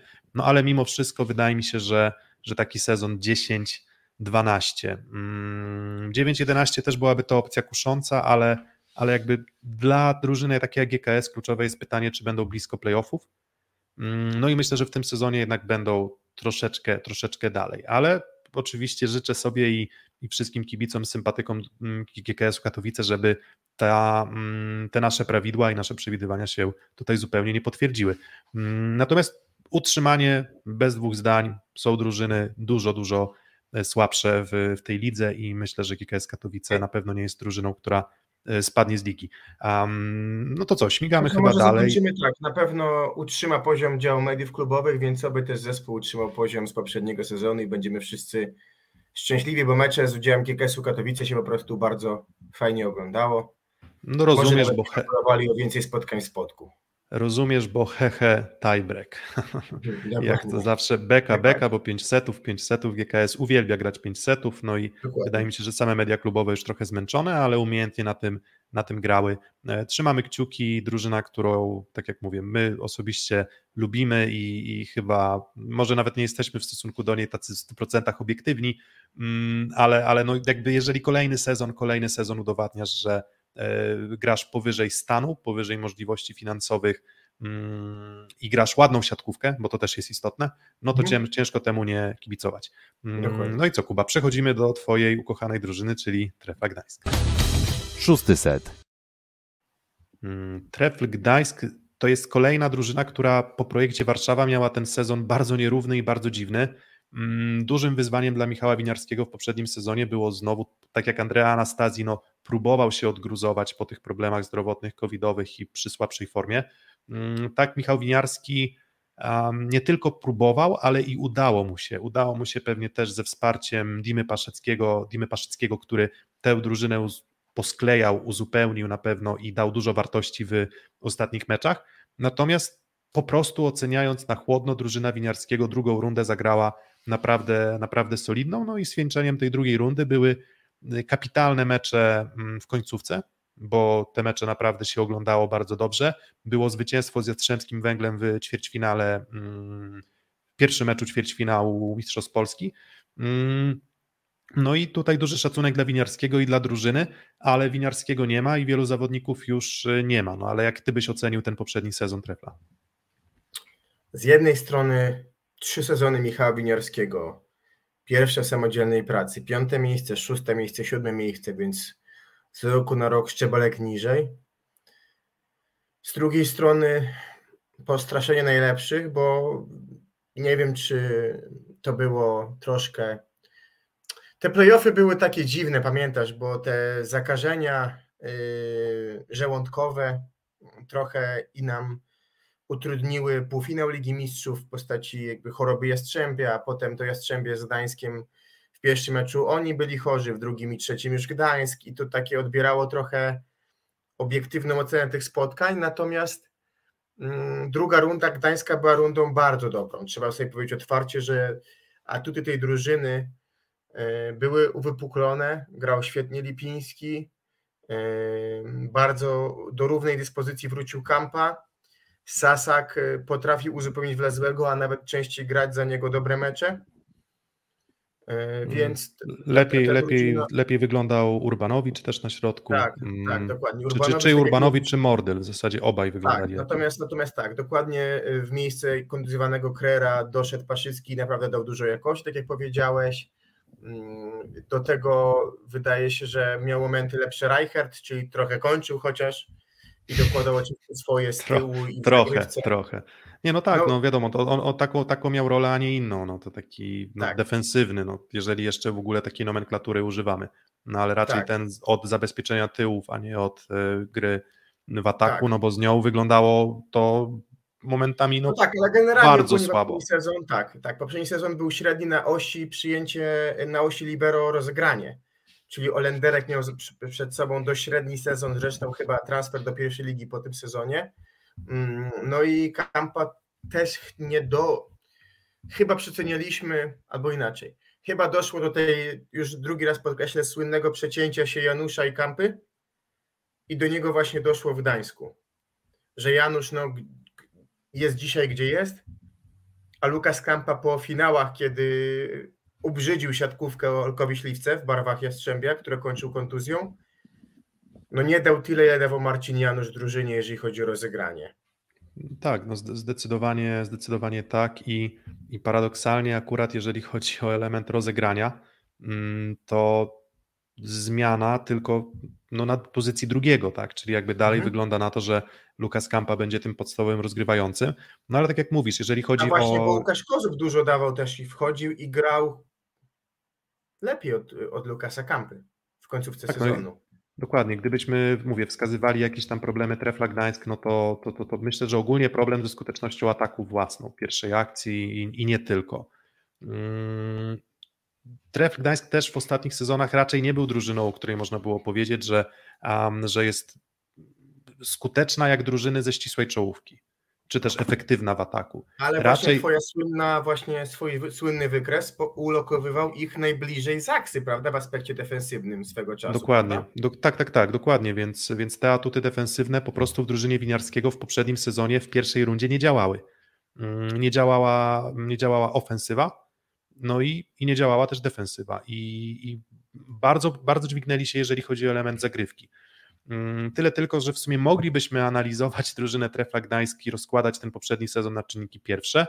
Mm, tyle tylko, że jak zaraz zobaczycie, ile zmian widzimy, to chyba trzeba trochę więcej czasu poświęcić na omówienie zmian w drużynie Trefla Gdańsk, bo wszelkie prawidła, o których my mówimy i te nasze wnioski z poprzedniego sezonu trochę już nie mają znaczenia, bo jest nowy trener, jest nowy libero, jest nowy atakujący, jest nowy środkowy i jest, są, są nowi przyjmujący mm, i to w zasadzie czterej, więc rewolucja, wydaje mi się, że nie ma drugiej drużyny, której byłoby aż tak wiele zmian pomiędzy sezonami.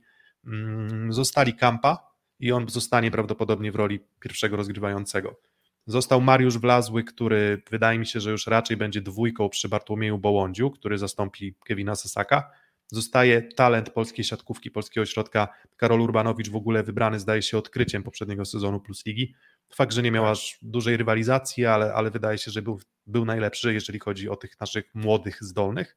Jordan Zaleszczyk, y, też środkowy, tylko że raczej trzeci lub czwarty środkowy. I to jest no ten Jordan, o którym mówił Zbigniew Woniek. Tak, dokładnie. Ten, który na aukcji graczy tak, został wybrany. Jordan, tak. Dokładnie. On został wybrany na aukcji graczy przez Trefla Gdańsk w NBA. No i Dawid Pruszkowski, czyli drugi libero mm, tak. poprzedniego sezonu, czy drugi, no trochę drugi, trochę pierwszy, bo on już w poprzednim sezonie um, trochę wykorzystywał słabą dyspozycję Macieja Olenderka, ale jednak no, Luke Perry, um, który, z którym będzie rywalizować, no to to jest myślę zdecydowanie wyższa półka. Mm. No więc jak widzicie, w zasadzie dwie postaci z podstawowej siódemki i rezerwowi, mm, którzy poza wlazłym raczej nie będą otrzymywali aż tak dużo szans na, na grę. No więc co, nowe postaci. No i teraz możemy wymieniać po kolei. Mm, odchodzi Dima Paszycki na środku, odchodzi Pablo Krer, czyli dwóch e, zagranicznych środkowych. Odchodzi Bartłomiej Mordyl, mm, no i w ich miejsce, jeżeli chodzi o obsadę środka, mamy Patryka Niemca z Aluronu CMC Warty Zawiercie, mamy Janusza Gałąskę um, z y, Janusza Gałąskę z projektu Warszawa. Tak, oczywiście, Janusza Gałąskę z projektu Warszawa, czyli czwartego przyjmującego projektu Warszawa. Mm, no i, no i co sądzisz o tych zmianach? No bo Krer oczywiście problem, niestety też bardzo ciężka kontuzja mm, w końcówce poprzedniego sezonu. Tam właśnie ten Paszycki przyszedł trochę połatać braki z tytułu mm, no właśnie problemów zdrowotnych Pablo Crera. Mm, no ale jak spojrzymy sobie na te dwa nazwiska i spojrzymy na następców, to, no to trudno nie oprzeć się wrażeniu, że, no, że, że to nie będzie zastępstwo jeden do jednego. Przepaść jest kolosalna. Natomiast ja myślę, że to na ile już znam siatkówkę Michała Winierskiego, no to w niej bardzo ważną rolę defensywną pełnią środkowi. To znaczy to, są, to mają być goście, którzy będą zapewniać bardzo dużo liczby bloków i będą, którzy będą maksymalnie czytali przeciwnika. I teraz przychodzi trener Juricic z innym pomysłem, myślę, że nagranie i wybór środkowych zupełnie innych, znaczy środkowych, którzy nie są tak dobrzy w bloku jak Krery czy Paszycki, po prostu. I to jest myślę, że fakt y, jeden do jednego. Pewnie z tej, tej, tej, tej trójki, która jest poza Jordanem, to chyba bliżej grania poza Urbanowiczem jest pewnie Patryk Niemiec, który miał za sobą bardzo dużo wybloków, mało bloków punktowych i który jest środkowym, który atakuje relatywnie rzadko. I mam wrażenie, że to jest sezon, w którym będzie dość duża dystrybucja do skrzydeł, a mniejsza do środka po prostu. Z tego to wynika. Natomiast no, spadek jakości indywidualnej na środku jest znaczący. Abstrahując już nawet od tego, że był najpierw Krer, potem Paszycki nie razem, no to jednak spadek jakości dość spory. Mm, no dużo nadziei na pewno mm, wiążą kibice Trefla Gdańsk z postacią Karola Urbanowicza, który powinien być coraz lepszy. Mm, Ale chyba, Chociaż... cytując na prezesa Bonika, spokojnie chyba. No dokładnie, spokojnie, bo, bo, bo różnie bywa też z tym rozwojem zawodników młodszych i, i, i bardzo różnie też bywa z ich powtarzalnością. I to jest też clue, tak, że, że, że jakby atutem też tych zawodników bardziej doświadczonych zazwyczaj jest jednak pewna, mm, nie mhm. wszystkich oczywiście, ale pewna większa stabilność e, formy. Karol Urbanowicz potrafi jeszcze cały czas grać mecze fenomenalne, a potrafi grać mecze, w których trochę znika e, na boisku. No i jak Karol, e, Karol, Karol, Karol Urbanowicz zniknie, to, to, to, to, to jeżeli będzie tam, nie wiem, Patryk Niemiec, no to już będzie musiał sytuację ratować albo Janusz Gałązka, albo Mm, no albo chyba Jordan Zaleszczyk, tak, bo on jest y, tak, tak czwartym, tak, on jest czwartym środkowym. No i to zestawienie środka wygląda na mm, no zdecydowanie słabsze niż było w poprzednim sezonie. Natomiast y, to nie jest tak, że to są same zmiany na minus, bo o środku powiedzieliśmy, odchodzi mm, też Kevin Sasak do Czech, do e, Karlowarsko, Mm, a w jego miejsce Bartłomiej Bołądź, którego ja też osobiście jestem dużym fanem e, i, i, i bardzo z nim e, powiedzmy sympatyzuję i bardzo też liczę, że to będzie sezon, w którym on wreszcie powiedzmy wyrywając się z Suwałk, poprzedni sezon wydaje mi się, że coś tam mu, co, jakby też wyda, troszeczkę jak mówiliśmy o Bartku Kwolku w kontekście projektu, wydaje mi się, że troszeczkę zmęczony był sezonem w Suwałkach, ale klasy sportowej i fantastycznych też parametrów w ataku, to myślę, że nikt mu nie, nie odmówi. No ty też y, zawsze podkreślałeś jego bardzo dobre liczby. Już abstrahując, bo tak jak powiedziałeś, sezon 27-22 ok slash średni, ale sezon 20-21 to liczby fenomenalne, więc mm, potencjał ogromny. Ocierał się o kadrę Heinena, zresztą trochę twór jednak Vitala, jeżeli chodzi o jego pobyt w VB Friedrichshafen. I zawodnik, którego potencjał y, gdzieś koło czwartego, piątego atakującego w Polsce krąży, więc wydaje mi się, że w kontekście jakby problemów, jakie były na pozycji atakującego w poprzednim sezonie, bo jednak Mariusz Wlazły, który miał bardzo przeciętne, y, słabe efektywności y, w ataku i Kevin Sasa, który był graczem, który grał albo wchodził i zrobił kapitalną zmianę, albo wchodził i musiał po chwili zejść, czyli nie gwarantował bardzo stabilnego poziomu, jest zmianą jak najbardziej na plus, bo jednak Bartłomiej Bołądź kojarzy mi się też z dużą solidnością, że w tym suwałkach, które w poprzednim sezonie męczyły swoją grą bardzo, on nawet w pierwszej rundzie, która była po prostu słaba i zaowocowała zmianą e, Andrzeja Kowala na Dominika Kwasi, Kwa, Kwapisiewicza, był najrówniejszym ogniwem? Chyba był. Mm, no, nie myślę, że mm, jeżeli chodzi o Bartłomieja Bołądzia, to, mm, to, to mówię, no, wie, wiemy, że był duży problem ze skutecznością prawego skrzydła w poprzednim sezonie. I tam można się oszukiwać, że tam Kevin Sasak nie popełniał dużej liczby błędów, bo nie popełniał. Można mówić o atucie, nie wiem, bloku Mariusza Blazłego, o atucie, nie wiem, bloku również mm, Kevina Sasaka. Troszeczkę inni zawodnicy w tej charakterystyce, że Bartek Bołądź aż tak dobrego bloku chyba nie ma. Mm, zagrywkę myślę, że ma ogromny potencjał, którego trochę nie pokazywał w poprzednim sezonie, ale, ale myślę, że ten potencjał jednak na pewno w, w nim drzemie, ale jeżeli atakującego rozliczamy za to, co, co, co on ma robić najlepiej, czyli mm, atakować, no to tutaj myślę, że będzie to przepaść na plus dla Trefla Gdańsk. No i tak to mm. wyglądało też w memoriale w Suwałkach, gdzie zgarnął nagrodę MVP, znowu nie przywiązując się do, do memoriałów czy do sparingów. E, no to po prostu chyba to, co mówimy, czyli skuteczność ataku wyższa na prawym skrzydle, moż, można jej być pewnym, wręcz tak bym powiedział. Mm, dokładnie. Mm, dalej, jeszcze kolejne zmiany, o których mówimy, no to mówimy o tym zestawieniu przyjęcia, no i tutaj też rewolucja. Nie ma już Reicherta, który odchodzi do Tursła, um, nie ma Bartumieja Lipińskiego, czyli no, wielkiego lidera, jakby nie patrzeć, Trefla Gdańsk w ostatnich dwóch sezonach, zawodnika, który momentami ciągnął za uszy tę drużynę. Mm, wystarczy wspomnieć tę końcówkę sezonu, fazy zasadniczej, w zasadzie 21-22, mm, gdzie no on też trochę za uszy wyciągał tego Trefla Gdańsk momentami, grając naprawdę kapitalne mecze na rywalach z stopu, czyli z Jastrzębskim Węglem, z Zaksą. Mateusz Mika do Turcji i jak na razie bardzo obiecujące występy w Turcji, bardzo przynajmniej statystycznie wygląda to bardzo dobrze, więc on, mm, on też znika. No i Patryk Łaba, czyli mówimy cały kwartet wypada. No i mamy taki kwartet, no i następców mamy w postaci Jana Martineza, Frankiego, czyli reprezentanta Argentyny, który raczej nie był podstawowym zawodnikiem reprezentacji Argentyny na Mistrzostwach Świata. Mm, mamy Mikołaja Sawickiego, który pełnił funkcję trzeciego, czwartego zawodnika w PGS Krzebełchatów, ale na pewno swoimi zmianami dawał mm, dużo nadziei na jeszcze lepszą grę. Piotr Orczyk, czyli znowu kolejny zawodnik, który mm, był solidnym trzecim przyjmującym i gdy grał, to w zawierciu grał solidnie.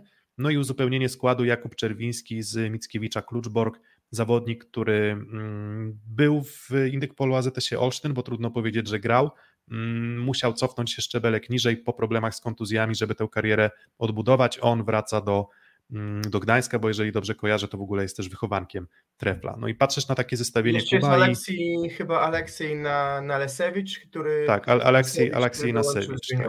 tak. Mm, no i widzisz takie zestawienie tych no w sumie pięciu graczy. Franki, Sawicki, Orczyk, um, Czerwiński i, i Nasewicz i, i co sobie myślisz? Jak porównujesz Mm, to zestawienie z tym zestawieniem mm, z poprzedniego sezonu. Lepsze, gorsze, inne na pewno. Yy, yy, tak, no tak. No to Łaba był zadaniowcem Michała Winierskiego i dalej nim będzie, jeżeli chodzi o zagrywkę. Więc tak naprawdę to był zadaniowy. To I dochodzi nam trzech, czyli Reichard, który dał kapitalnie z tyłu, a męczył się w ataku niemiłosiernie. Mateusz Mika targany kontuzjami strasznie życzymy zdrowia, bo jak, jak jest zdrowie, no to w Turcji będzie pewnie jeden z najlepszych przyjmujących i, i może jeszcze wróci do, a siatkówka nasza też ma z nim kapitalne wspomnienia, no i fenomenalny lider Lipiński, który jak doszedł do formy, bo też tej formy w pierwszej rundzie 21-22 nie miał fenomenalnej, mhm. sam, tak jak powiedziałeś, ściągnął drużynę. No i przychodzą zawodnicy dla mnie, którzy chcą dużo udowodnić. Myślę, że Piotr Orczyk to jest gracz, który tak po Belgii wrócił do skry, był trzecim, poszedł do zawiercia i tak.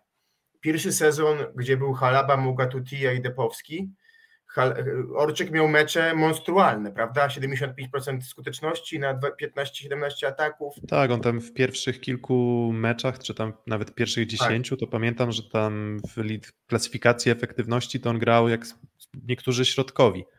Jak, no, I to tacy, i to tacy solidni, tak. więc to były, a, a, tak jak Leon, absurd, absurdalnie dobre liczby, pokazujące potem, też na pewno potencjał. No tak, i, ale potem nagle siadał na ławce i tak w sezonie 2021 usiadł na ławce w Zawierciu i próbowano docelowo Mogatu Tije Halaba i to się w ogóle nie sprawdziło.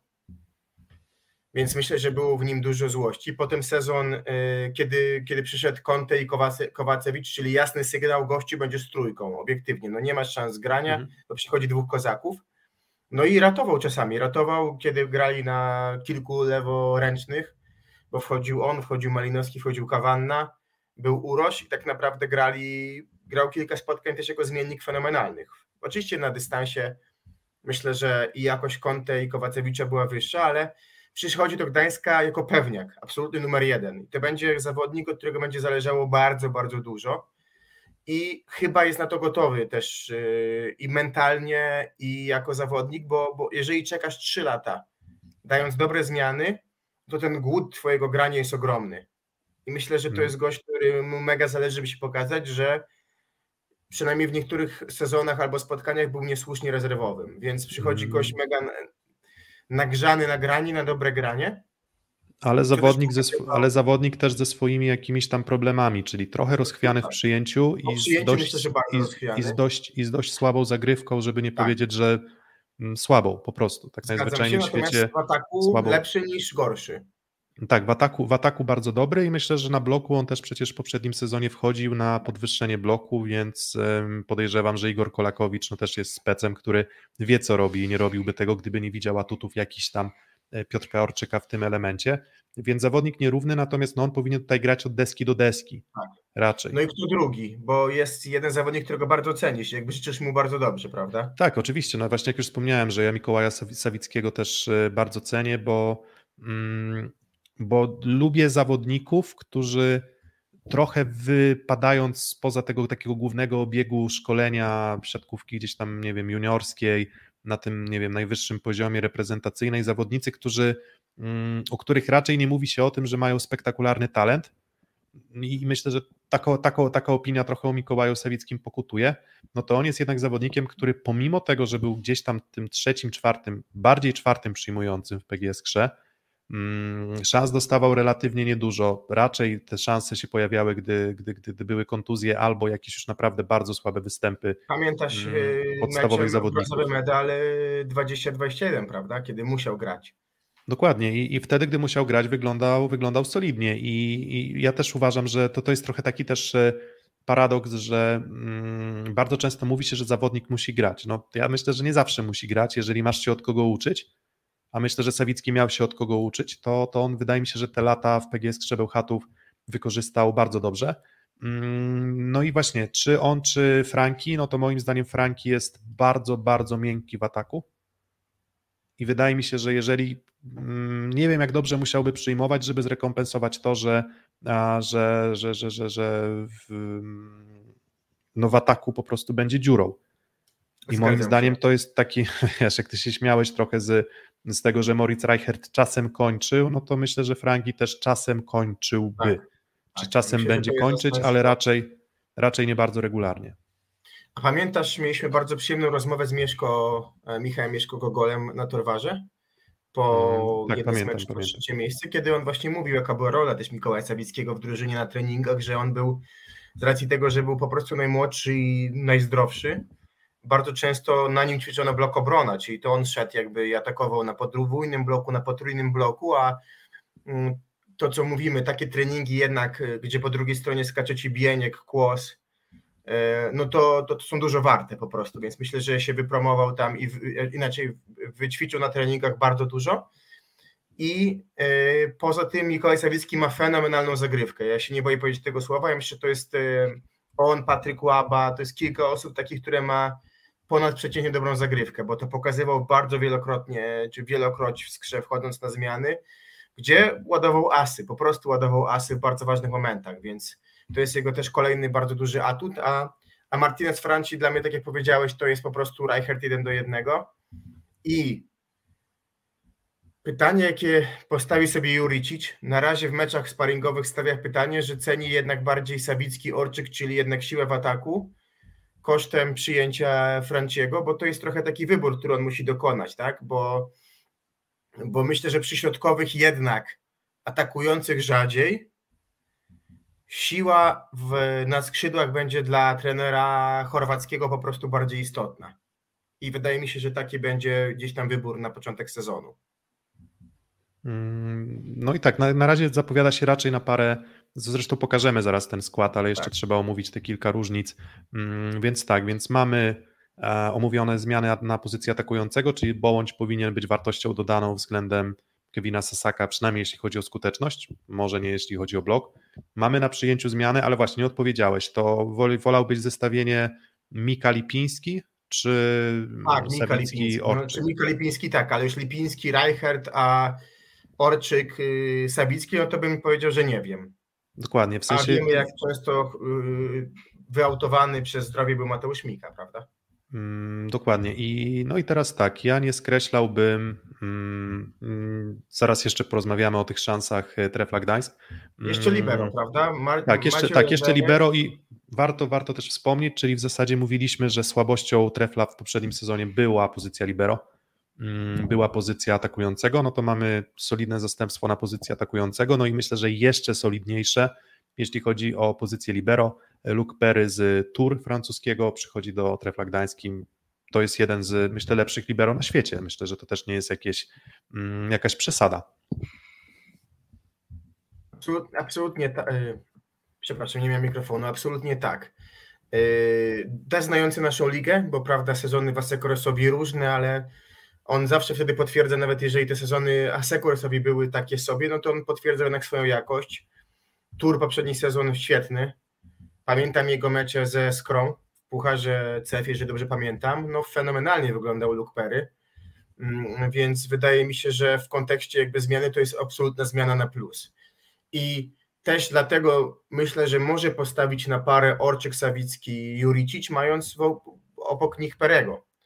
Bo Perry to jest e, e, libero, który kojarzy mi się przede wszystkim z kapitalną obroną, i dobrym przyjęciem mocnej zagrywki. On trochę słabiej przyjmował floty, no ale zmiana eliminująca tak dużo flotów mu pomogła. Natomiast to jest świetnie broniący libero. Dla mnie w top 3 w lidze, jeżeli chodzi o obronę. Mm, no i tym właśnie kwitujemy to, że Luke Perry jest na pewno zmianą na plus. Mm. Odejścia, no to jeszcze podsumujmy. Dmytro Paszycki do Zaksy, Moritz Reicher do właśnie Tour Sois. Toursois chyba, jeżeli ktoś mówi po francusku, tak, to to niech, niech skoryguje. Pablo Krer do Paris Volley, Kevin Sasak do Karlowarska, Bartek Lipiński do Indykpolu AZS Olsztyn, Mateusz Mika do y, Türschat SK, Łukasz Kozub też do Francji mm, razem z Pablo Krerem i Moricem Reichertem, on akurat do Stade Poitvin Poitiers. Mm, Bartek Mordyl po też kilku latach w Gdańsku do Asekoresowi Rzeszów, Patryk Łaba do Aluronu CMC Warty Zawiercie, no i Maciej Olenderek, tak jak wspominałeś, do MKS-u Będzin, to jest zejście szczebel niżej, no ale MKS Będzin wydaje się być jakimś tam faworytem do walki o najwyższe cele w pierwszej lidze, no ale jednak jest to pierwsza liga, a, a nie plus liga. Na pewno Maciej Olenderek miał swoje lepsze sezony niż ten poprzedni, więc może jakiś tam delikatny czyściec. Um, no i co? No i chyba przechodzimy do jakby kwitowania, czyli jeszcze pokażmy, jaki my awizujemy skład.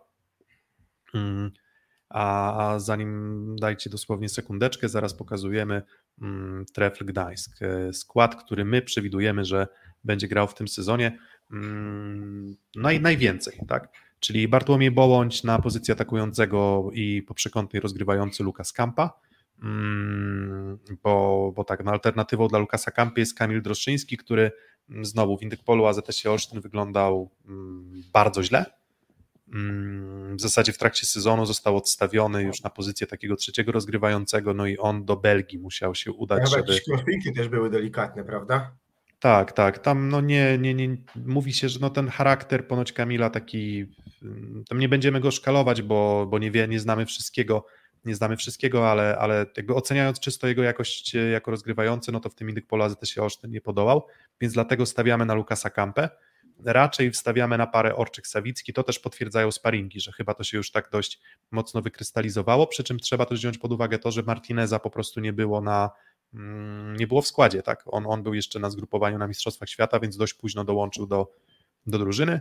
Na środku Karol Urbanowicz i Patryk Niemiec, no to Karol Urbanowicz talent i zobaczymy jaki kolejny krok zrobi w tym sezonie. Patryk Niemiec mm, no chyba spróbuje udowodnić, że te 0,2 bloku na set punktowego, czyli wynik dramatycznie słaby jak na, jak na środkowego, będzie w stanie poprawić w, w Gdańsku mm, Turkłą. Turkłą mówi Wraca jak... też, prawda, Patryk Niemiec do Gdańska.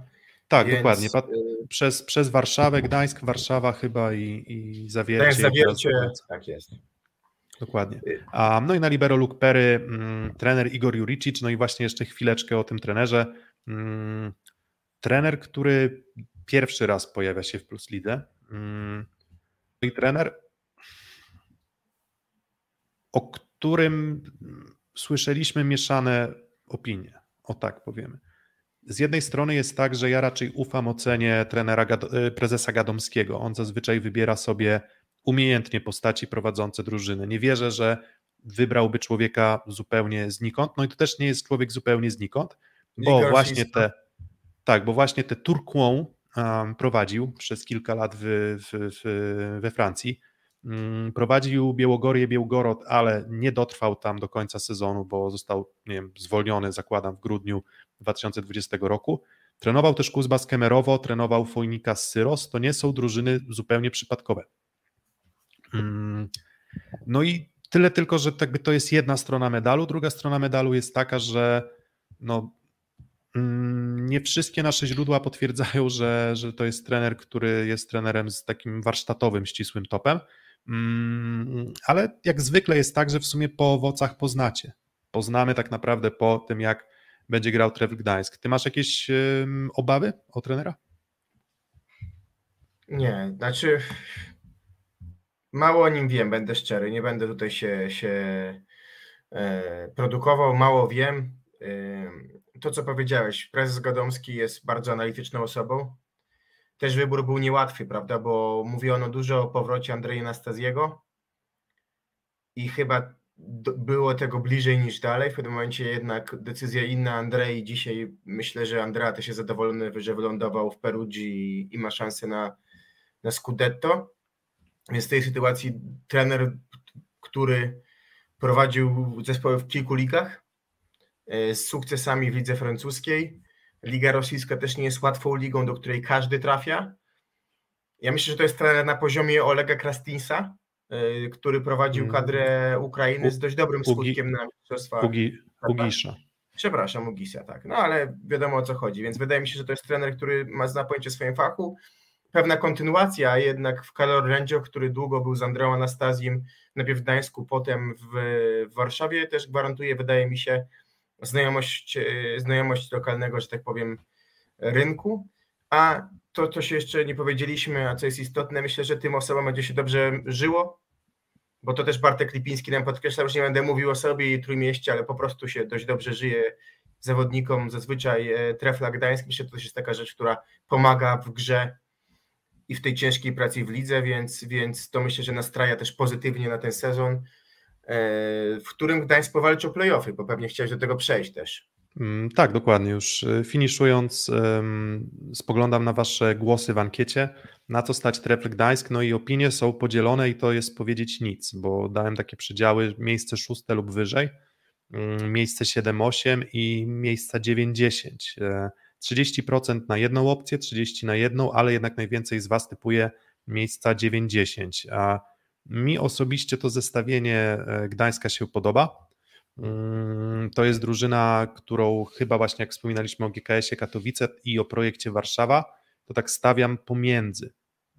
Czyli mm, z punktem zaczepienia do walki z Warszawą, raczej na dystansie powiedzmy powinna być to drużyna lepsza od mm, chyba, chyba, chyba lepsza od GKS-u Katowice, bo tak jak mówię, są tutaj jakieś tam znaki zapytania środek, przede wszystkim środek.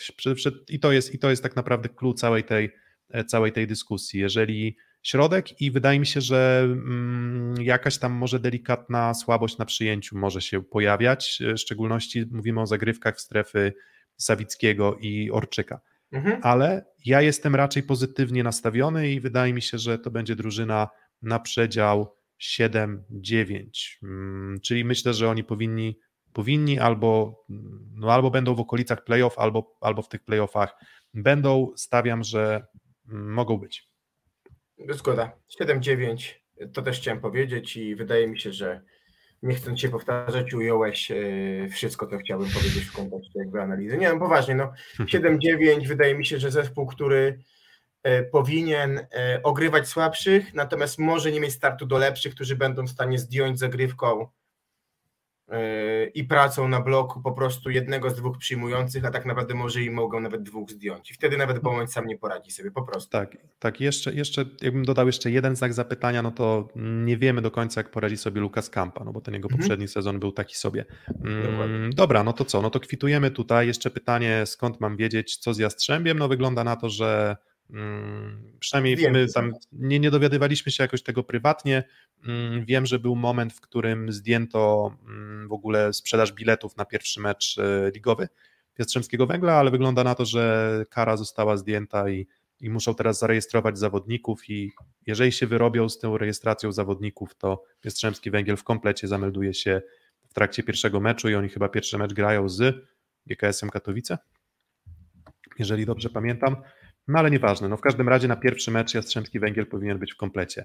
Um, a jeżeli nie będzie, to, to, to stawiam, że taki mecz zostałby przełożony, co w ogóle byłoby dla mnie jakimś tam delikatnym skandalem albo nieporozumieniem, ale to jest temat na zupełnie inną dyskusję.